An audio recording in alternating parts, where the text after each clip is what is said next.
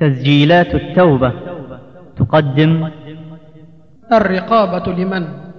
لفضيلة الشيخ علي بن عبد الخالق القرني إن الحمد لله نحمده ونستعينه ونستغفره ونتوب إليه ونعوذ بالله من شرور أنفسنا ومن سيئات أعمالنا من يهده الله فلا مضل له ومن يضلل فلا هادي له.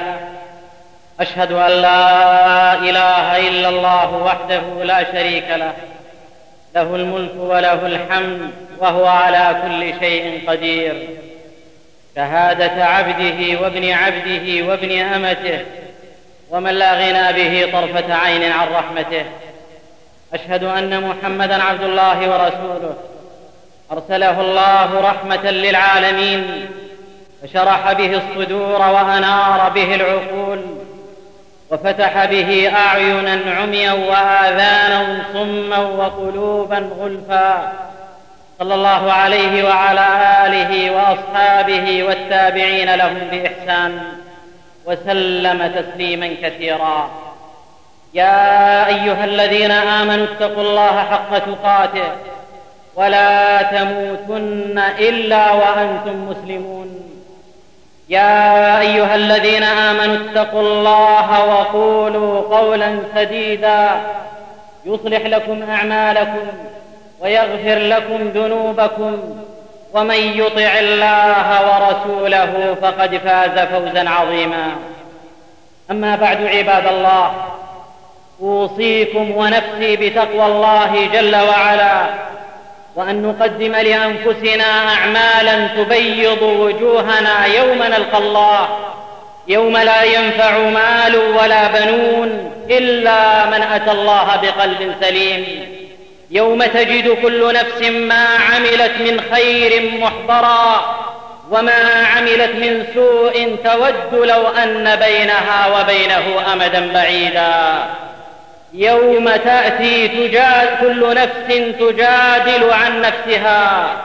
يوم ترونها تذهل كل مرضعة عما أرضعت. وتضع كل ذات حمل حملها. وترى الناس سكارى وما هم بسكارى. ولكن عذاب الله شديد. يوم يبعثر ما في القبور. ويحصل ما في الصدور. يوم يود الذين كفروا وعصوا الرسول لو تسوى بهم الأرض ولا يكتمون الله حديثا. يوم يعض الظالم على يديه يقول يا ليتني اتخذت مع الرسول سبيلا. يا ويلتى ليتني لم أتخذ فلانا خليلا. يوم الحاقة يوم الطامة يوم القارعة يوم الزلزلة يوم الصاخة يوم يفر المرء من أخيه وأمه وأبيه وصاحبته وبنيه لكل امرئ منهم يومئذ شأن يغنيه.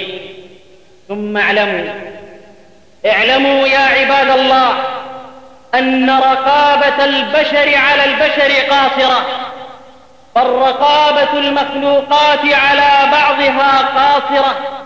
البشر يغفل والبشر يسهو ينام يمرض يسافر يموت. إذا فلتسقط رقابة المخلوقين ولتسقط رقابة الكائنات جميعها وتبقى الرقابة الكاملة الرقابة المطلقة. ألا وهي رقابة الله جل وعلا. باري البرايا منشئ الخلائق مبدعهم بلا مثال سابق. حي وقيوم فلا ينام وجل أن يشبهه الأنام. فإنه العلي في دنوه وإنه القريب جل في علوه لا إله إلا هو. علم البشر ما علمهم؟ علم قاصر ضعيف قليل ما وراء هذه الجدران نجهل منه الكثير ولا نعلمه بل لا نعلم أنفسنا التي بين جنبينا لكن الله يعلم ذلك ويعلم ما هو أعلى من ذلك فما تسقط من ورقة إلا يعلمها ولا حبة في ظلمات الأرض ولا رطب ولا يابس إلا في كتاب مبين. لا يخفى عليه شيء في الأرض ولا في السماء. يعلم ما تسره الآن في سريرتك ومن بجوارك لا يعلم ذلك. يعلم ما ينطوي عليه قلبك بعد مئة عام وأنت لا تعلم ما ينطوي عليه قلبك بعد دقائق أو ساعات. إنه العلم الكامل. إنه العلم الكامل المطلق. علم الله السميع العليم. العليم الخبير يعلم ما تسرون وما تعلنون يعلم خائنة الأعين وما تخفي الصدور يعلم ويسمع ويرى دبيب النملة السوداء على الصفات السوداء في الليلة الظلماء.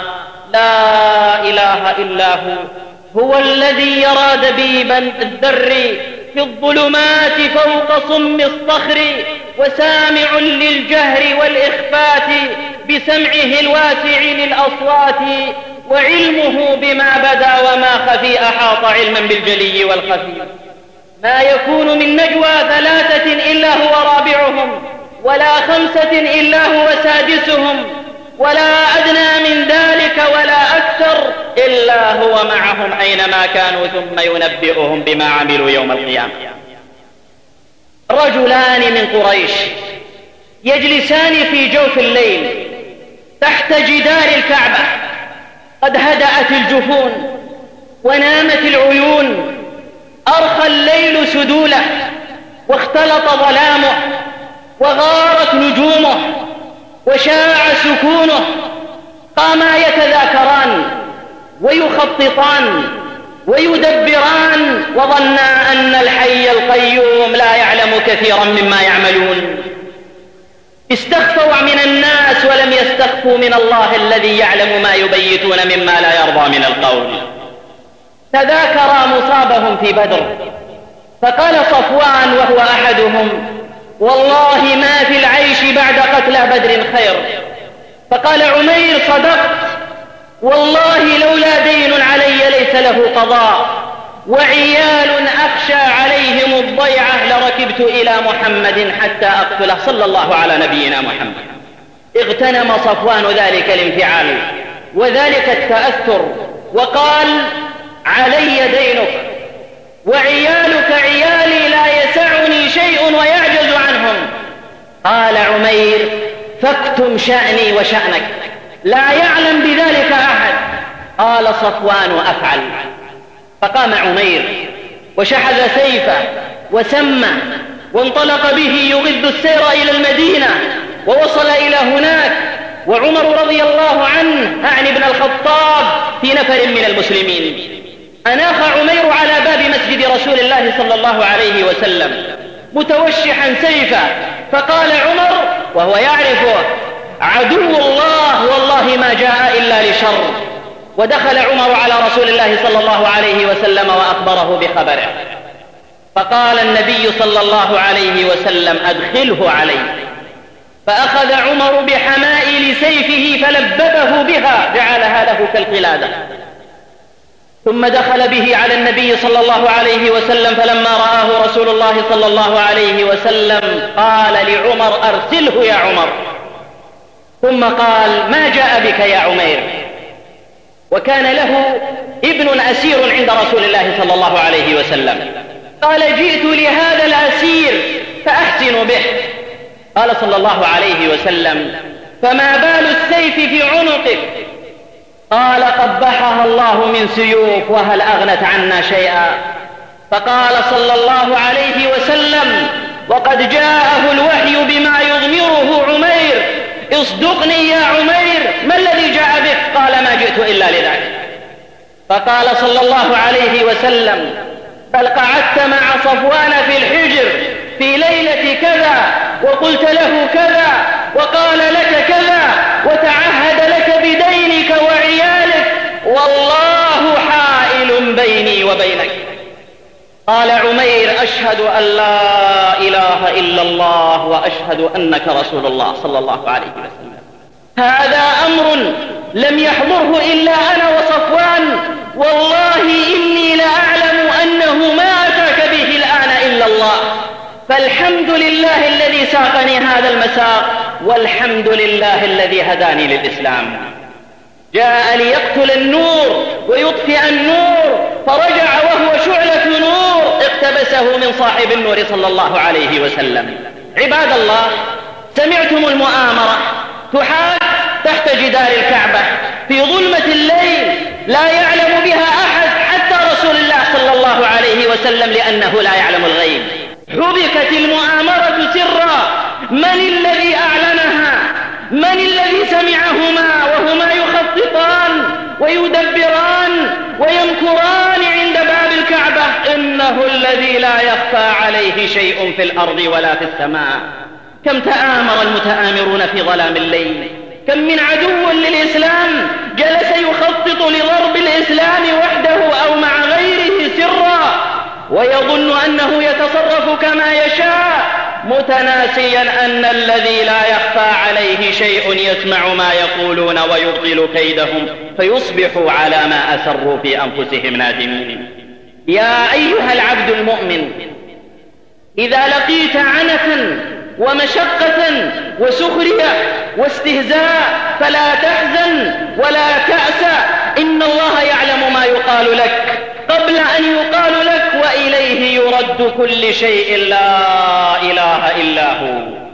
يا أيها المؤمن إذا جعلت الأصابع في الآذان واستغشيت الثياب وزاد الإصرار والاستكبار وكثر الطعن وضاقت نفسك فلا تأس ولا تحزن إن الله يعلم ويسمع ما تقول وما يقال لك ليس كمثله شيء وهو السميع البصير. يعلم خائنة الأعين وما تخفي الصدور. يا أيها الشاب الذي وضع قدمه على أول طريق الهداية فسمع رجلا يسخر منه وآخر يهزأ به وثالثا يقاطعه. اثبت ولا تأسى واعلم علم يقين أنك بين يدي الله يسمع ما تقول. يقال لك وسيجزي كل امرئ بما فعل. لا يعزب عنه مثقال ذرة في السماوات ولا في الأرض. يا مرتكب المعاصي مختفيا عن أعين الخلق. أين الله؟ أين الله؟ ما أنت والله إلا أحد رجلين. إن كنت ظننت أن الله لا يراك فقد كفرت. وإن كنت تعلم أنه يراك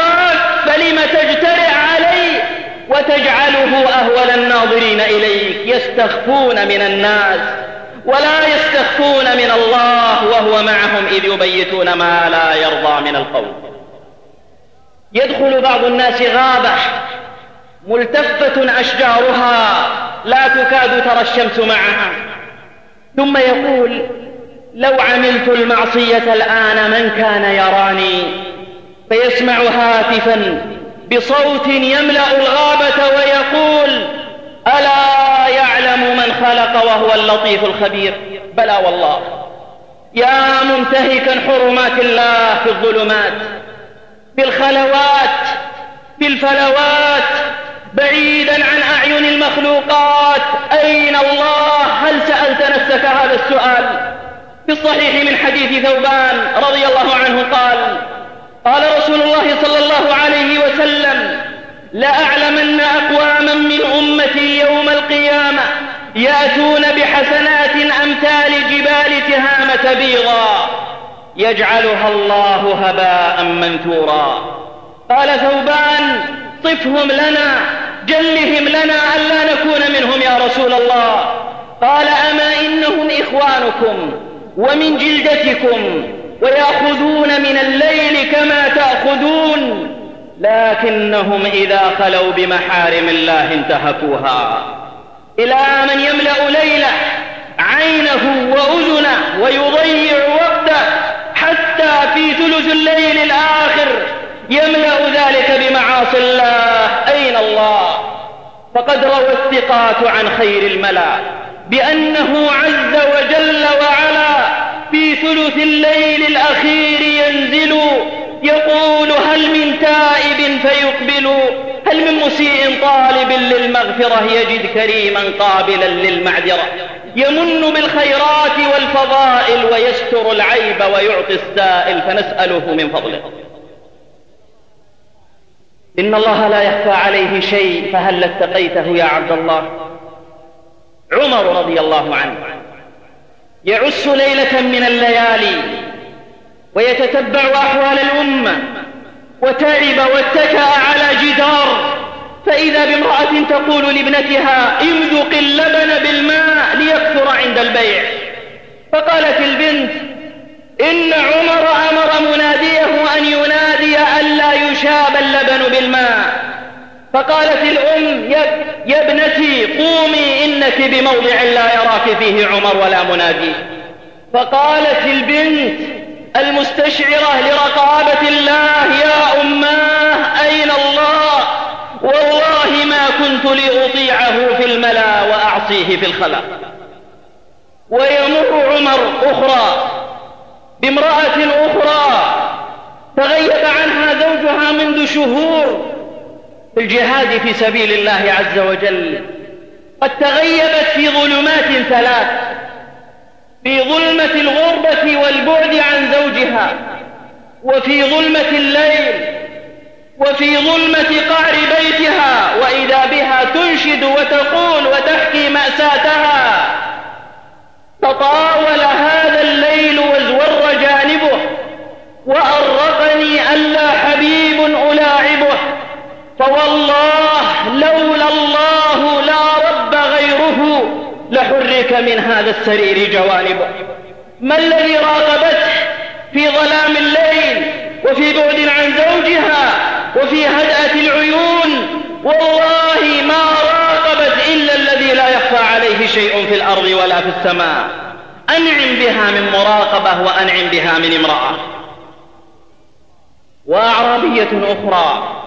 يراودها رجل على نفسها كما أورد ابن رجب ثم قال لها ما يرانا أحد إلا الكواكب فقالت وأين مكوكبها يا رجل؟ حالها أين الله يا رجل؟ أتستخفي من الناس ولا تستخفي من الله وهو معك إذ تبيت ما لا يرضى من القول. أخيرا اسمع لهذا الحدث ولم يقع في هذا الزمن وإنما وقع في زمن مضى. لتعرف ثمرة مراقبة الله عز وجل واستشعار ذلك الأمر. رجل اسمه نوح بن مريم كان ذا نعمة ومال وثراء وجاه وفوق ذلك صاحب دين وخلق وكان له ابنة غاية في الجمال. ذات منصب وجمال وفوق ذلك صاحبة دين وخلق. وكان معه عبد اسمه مبارك لا يملك من الدنيا قليلا ولا كثيرا ولكنه يملك الدين والخلق ومن ملكهما فقد ملك كل شيء. أرسله سيده إلى بساتين لحم وقال له اذهب إلى تلك البساتين واحفظ ثمرها وقم على خدمتها إلى أن آتية. مضى الرجل وبقي في البساتين لمدة شهرين. وجاءه سيده جاء ليستجم في بساتينه. ليستريح في تلك البساتين. جلس تحت شجرة وقال يا مبارك ائتني بقطف من عنب. جاءه بقطف فإذا هو حامض. فقال ائتني بقطف آخر إن هذا حامض. فأتاه بآخر فإذا هو حامض. قال ائتني بآخر هذا حامض. فجاءه بالثالث فإذا هو حامض. كاد أن يستولي عليه الغضب. وقال يا مبارك أطلب منك قطف عنب قد نضج. وتأتيني بقطف لم ينضج. ألا تعرف حلوة من حامضه قال والله ما أرسلتني لآكله وإنما أرسلتني لأحفظه وأقوم على خدمته والذي لا إله إلا هو ما ذقت منه عنبة واحدة والذي لا إله إلا هو ما راقبته ولا راقبت أحدا من الكائنات الرابط الذي لا يخفى عليه شيء في الأرض ولا في السماء. أعجب به. وأعجب بورعه وقال الآن أستشيره والمؤمنون نصحه والمنافقون غششه والمستشار مؤتمن. تقدم لابنتي فلان وفلان من أصحاب الثراء والمال والجاه فمن ترى أن أزوج هذه البنت؟ فقال مبارك لقد كان أهل الجاهلية يزوجون للأصل والحسب والنسب. واليهود يزوجون للمال والنصارى للجمال. وعلى عهد رسول الله صلى الله عليه وسلم يزوجون للدين والخلق. وعلى عهدنا هذا للمال والجاه. والمرء مع من أحب ومن تشبه بقوم فهو منهم أي نصيحة؟ وأي مشورة؟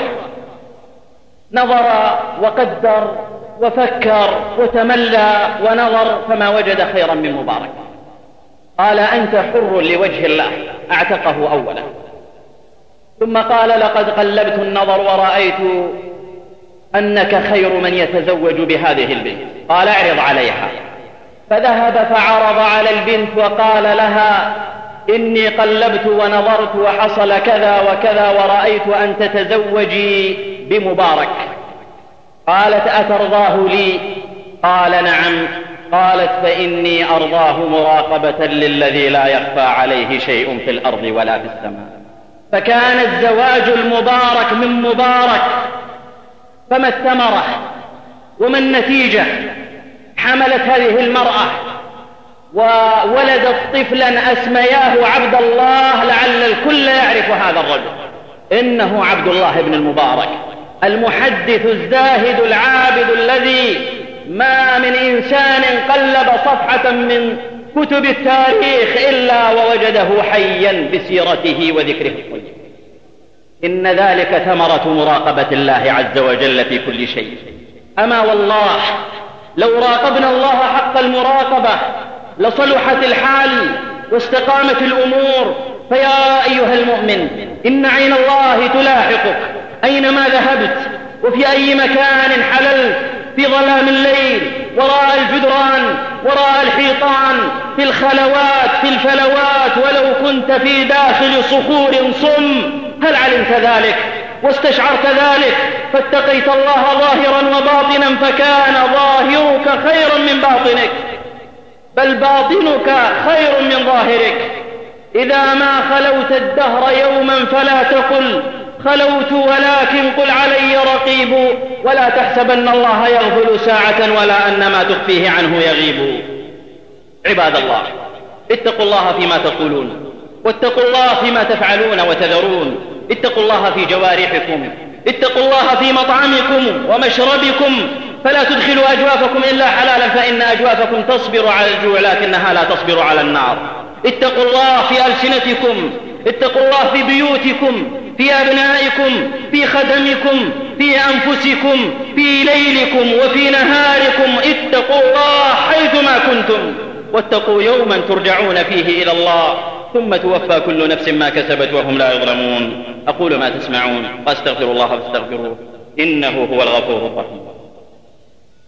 الحمد لله رب العالمين وأشهد أن لا إله إلا الله وحده لا شريك له وأشهد أن محمدا عبده ورسوله صلى الله عليه وعلى آله وأصحابه والتابعين لهم بإحسان وسلم تسليما كثيرا. أما بعد عباد الله اعلموا علم يقين أن الله هو الرقيب وأنه الحسيب وأنه لا ملجأ منه إلا إليه ولا مهرب منه إلا إليه. هو الشهيد وكفى به شهيدا. ومن حكمته سبحانه وبحمده أن جعل علينا شهودا آخرين لإقامة الحجة حتى لا يكون للناس حجة. وتعدد الشهود علينا وكفى بالله شهيدا. من هؤلاء الشهود رسول الله صلى الله عليه وسلم. يقول الله عز وجل وكذلك جعلناكم أمة وسطا لتكونوا شهداء على الناس ويكون الرسول عليكم شهيدا. حتى إذا جئنا من كل أمة بشهيد وجئنا بك على هؤلاء شهيدا يومئذ يود الذين كفروا وعصوا الرسول لو تسوى بهم الأرض ولا يكتمون الله حديثا. فرسول الله صلى الله عليه وسلم سيشهد على الأمم وعلى هذه الأمة. والملائكة أيضا يشهدون وكفى بالله شهيدا. قال الله عز وجل وإن عليكم لحافظين كراما كاتبين يعلمون ما تفعلون ويقول جل وعلا إذ يتلقى المتلقيان عن اليمين وعن الشمال قعيد ما يلفظ من قول إلا لديه رقيب عتيد فالملائكة أيضا ستشهد. والكتاب سيشهد. السجلات ستفتح بين يدي الله. فترى الصغير والكبير والنقير والقطمير تنظر في صفحة اليوم الثامن من هذا الشهر. فإذا هي لا تغادر صغيرة ولا كبيرة. ووضع الكتاب. فترى المجرمين مشفقين مما فيه. ويقولون يا ويلتنا ما لهذا الكتاب لا يغادر صغيرة ولا كبيرة إلا أحصاها ووجدوا ما عملوا حاضرا ولا يظلم ربك أحدا. وكل إنسان ألزمناه طائره في عنقه. ونخرج له يوم القيامة كتابا يلقاه منشورا. اقرأ كتابك كفى بنفسك اليوم عليك حسيبا. والأرض التي ذللها الله عز وجل لنا ستشهد بما عمل على ظهرها من خير أو شر. إذا زلزلت الأرض زلزالها وأخرجت الأرض أثقالها وقال الإنسان ما لها يومئذ تحدث أخبارها. ستحدث بما عمل على ظهرها من خير أو شر. بل إن هذه الأرض تحمل عاطفة. إذا مات المؤمن بكاه موضع سجوده وبكاه ممشاه إلى الصلاة وبكاه مصعد عمله إلى السماء. وأما الذين أجرموا وكفروا ونافقوا فما بكت عليهم السماء والأرض وما كانوا منظرين. والخلق أيضا سيشهدون وكفى بالله شهيدا. لطالما تفكه الإنسان بين هؤلاء الخلق بالوقوع في أعراض المسلمين. بذكر ما ستره الله عليه وما علم أن الخلق يشهدون. بالصحيح أن جنازة تمر على رسول الله صلى الله عليه وسلم وهو في نفر من أصحابه. فيثني عليها الناس خيرا فيقول صلى الله عليه وسلم وجبت. وتمر أخرى فيثني عليها الناس سوءا فيقول صلى الله عليه وسلم وجبت. فيتساءل الصحابة فيقول صلى الله عليه وسلم أثنيتم على الأولى بخير فوجبت لها الجنة. وعلى الثانية بسوء فوجبت لها النار. أنتم شهداء الله في أرضه. أنتم شهداء الله في أرضه. وسيشهد ما هو أقرب من هذا. ستشهد الجوارح. فأيد تشهد وأرجل تشهد وألسن تشهد وجوارح تشهد. اليوم نختم على أفواههم وتكلمنا أيديهم. وتشهد أرجلهم بما كانوا يكسبون. ويوم يحشر أعداء الله إلى النار فهم يوزعون. حتى إذا ما جاءوها شهد عليهم سمعهم وأبصارهم وجلودهم بما كانوا يعملون. وقالوا لجلودهم لم شهدتم علينا؟ قالوا أنطقنا الله الذي أنطق كل شيء وهو خلقكم أول مرة وإليه ترجعون. وما كنتم تستترون أن يشهد عليكم سمعكم ولا أبصاركم ولا جلودكم ولكن ظننتم أن الله لا يعلم كثيرا مما تعملون وذلكم ظنكم الذي ظننتم بربكم أرداكم فأصبحتم من الخاسرين. فإن يصبروا فالنار مثوى لهم وإن يستعتبوا فما هم من المحبين فاتقوا الله يا عباد الله واجعلوا هؤلاء الشهود جميعهم لكم لا عليكم وبادروا أنفسكم وأعماركم بالأعمال الصالحات قبل حلول الآجال وبقاء الحسرات. أيا من يدعي الفهم إلى كم يا أخ الوهم تعبي الذنب بالذنب وتخطئ الخطأ الجم. أما بان لك العيب أما أنذرك الشيب وما في نصحه ريب ولا سمعك قد صم. أما نادى بك الموت أما أسمعك الصوت أما تخشى من الفوت فتحتاط وتهتم. فكم تسدر في السهو وتختال من الزهو وتنصب إلى اللهو كأن الموت ما عم وحتام تجافيك وإبطاء تلافيك طباع جمعت فيك عيوب شملها انضم. أتسعى في هوى النفس وتحتال على الفلس وتنسى ظلمة الرمس ولا تذكر ما تم. فتذري الدمل الدمع إذا عاينت لا جمع. يقي في عرصة الجمع ولا خال ولا عم. كأني بك تنحط إلى اللحد وتنغط. وقد أسلمك الرهط إلى أضيق منسم هناك الجسم ممدود ليستأكله الدود إلى أن ينخر العود ويمسي العظم قد رم فبادر أيها الغمر لما يحلو به المر فقد كاد يهي العمر وما أقلعت عن ذم وزود نفسك الخير ودع ما يعقب الضير وهيئ مركب السير وخفف لجة اليم. اللهم صل على محمد وعلى آل محمد. كما صليت على إبراهيم وعلى آل إبراهيم إنك حميد مجيد.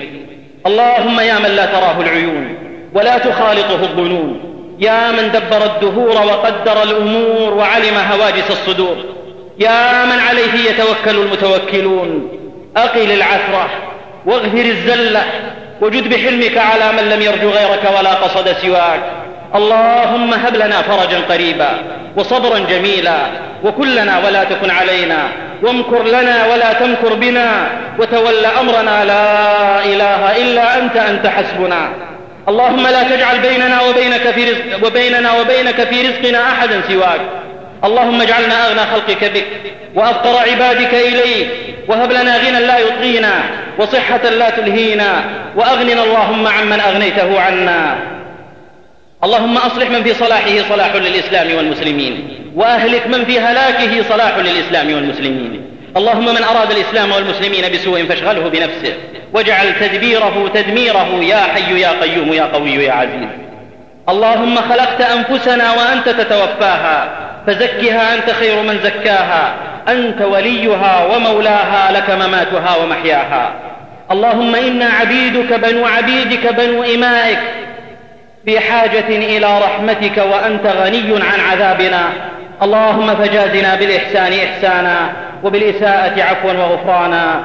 اللهم آنس وحشتنا في القبور وآمن فزعنا يوم البعث والنشور. واغفر لنا ولجميع موتى المسلمين يا أرحم الراحمين. سبحان ربك رب العزة عما يصفون وسلام على المرسلين والحمد لله رب العالمين. مع تحيات تسجيلات التوبة. للصوتيات والمرئيات والإنتاج والتوزيع الإسلامي.